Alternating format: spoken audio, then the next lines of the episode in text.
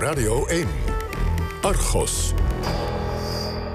Ja, en dan nu iets heel anders. Over een paar maanden dan beginnen de Olympische Winterspelen in gastland China. Een uitgelezen kans voor de machthebbers in Beijing om de Volksrepubliek in al haar glorie aan de wereld te presenteren.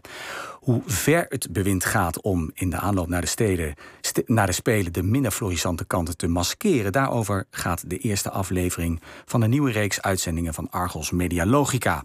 En daarvoor is aangeschoven programmamaker Jacco Versluis. Welkom Jacco. Dag Erik. Jouw documentaire wordt morgen uitgezonden op NPO 2. Die gaat zoals altijd in Medialogica over het verschil tussen beeld en werkelijkheid. In dit geval specifiek met betrekking tot de Chinese provincie Xinjiang. Wat voor Medialogica-achtige taferelen spelen zich daar af? Xinjiang is eh, de provincie waar de zogenoemde Oeigoeren uh, wonen. Nou, daar hebben de meeste mensen denk ik wel van gehoord. Hè. Dat is een overwegend islamitisch volk dat op vrij massale en massieve manier wordt onderdrukt door de Chinese regering. Uh, eerder dit jaar sprak de Tweede Kamer zelfs van een genocide. Uh, feit is dat de mensenrechten daar op grote schaal worden geschonden. Uh, maar als je de, de Chinese staatsmedia mag geloven, hebben de Oeigoeren het eigenlijk nog nooit zo goed gehad. is niks aan dit is eigenlijk de beste tijd om Oeigoer te zijn, is nu in de Volksrepubliek China. En dat is een narratief, hè, een verhaallijn die wordt uitgeserveerd via allerlei sociale media. Facebook, Twitter, YouTube. Precies die sociale bedrijven of uh, mediabedrijven die in China zelf verboden zijn, Hmm. uh, maar die uh, door de Volksrepubliek China worden gebruikt om dat, dat verhaal te pluggen en te pushen bij ons, het westerse publiek. Ik heb jouw reportage gisteravond al mogen bekijken. En wat me vooral opviel, dat is een van de dingen die me opviel. Dat waren die vrolijke filmpjes inderdaad op YouTube. Maar die waren gemaakt door westerse vloggers. Ja. Hoe zit dat precies? Dat zijn inderdaad westerse vloggers. Voor de duidelijkheid, dat zijn niet mensen die zijn ingevlogen om daar een filmpje te maken. Over, meestal zijn het mensen die daar al een tijdje wonen. Die of een Chinese partner hebben of daar een baan hebben. Die vloeiend Chinees spreken. En die om hen moverende redenen uh, filmpjes maken. Gefaciliteerd meestal door de lokale Chinese overheid. Uh, waarin een beeld wordt geschetst van, uh, nou ja, het leven is prachtig, het leven is schitterend. Detentiekampen, nog nooit van gehoord, meneer. Niks aan de hand. Uh, niks aan de hand. Uh, kom vooral naar Xinjiang. Als je die filmpjes ziet, dan zou je bijna een ticket uh, boeken. Laten we eventjes gaan luisteren naar zo'n uh, naar zo'n vlogger. We hebben een klein fragment uh, klaargezet uit jouw reportage. Like, seriously, look at this. Do these people look like they're having a rough time? This is Xinjiang province. Oh this is Xinjiang Autonomous Region. This is supposed to be a place where people are suppressed and oppressed. I don't get it. Look behind me.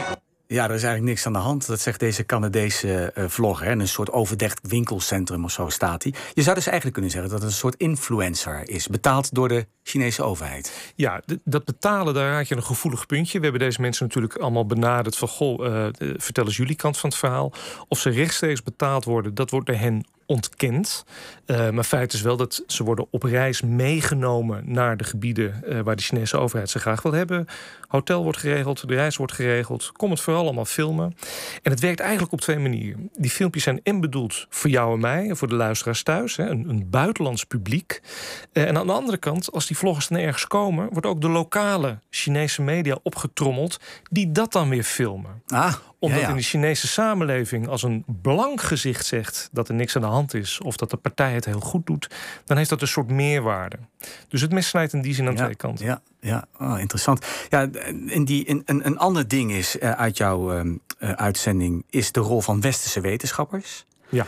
Uh, zij zijn dus de mensen die ons journalisten hè, vaak worden gevraagd om commentaar te geven over die positie, de situatie in Xinjiang. Durven zij zich kritisch uit te spreken? Uh, sommigen wel, maar zeker niet allemaal. Uh, en dat weet ik omdat uh, een aantal van hen ook niet aan onze uitzending wilden meewerken. En ik ah. weet dat omdat in de uitzending zelf uh, komt een sinoloog, hè, dus een China-kenner aan het woord, Ardy Bouwers, en ook een Duitse collega van haar, die alle twee ook gewoon anekdotes vertellen over hoe collega's uh, hen prijzen, zelfs het woord moedig in de mond nemen, als zij zich in interviews wel kritisch uiten over Xinjiang. Mm.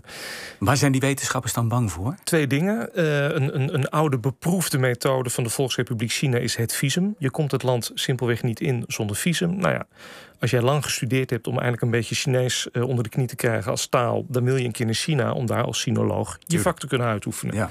Geen toegang is dus een groot probleem. Nou, wat jij zegt in de media wordt door de ambassade van China goed in de gaten gehouden.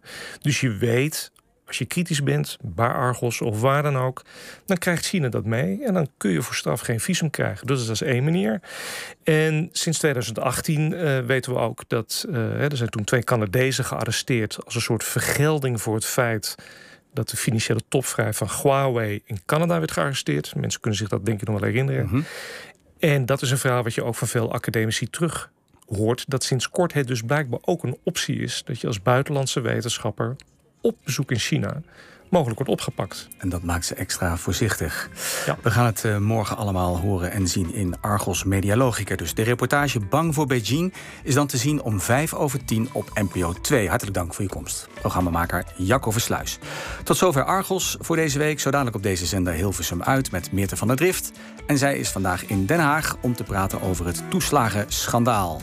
En wij bij Spitten verder. Ik wens u een fijn weekend, houd het hoofd koel en graag tot volgende week.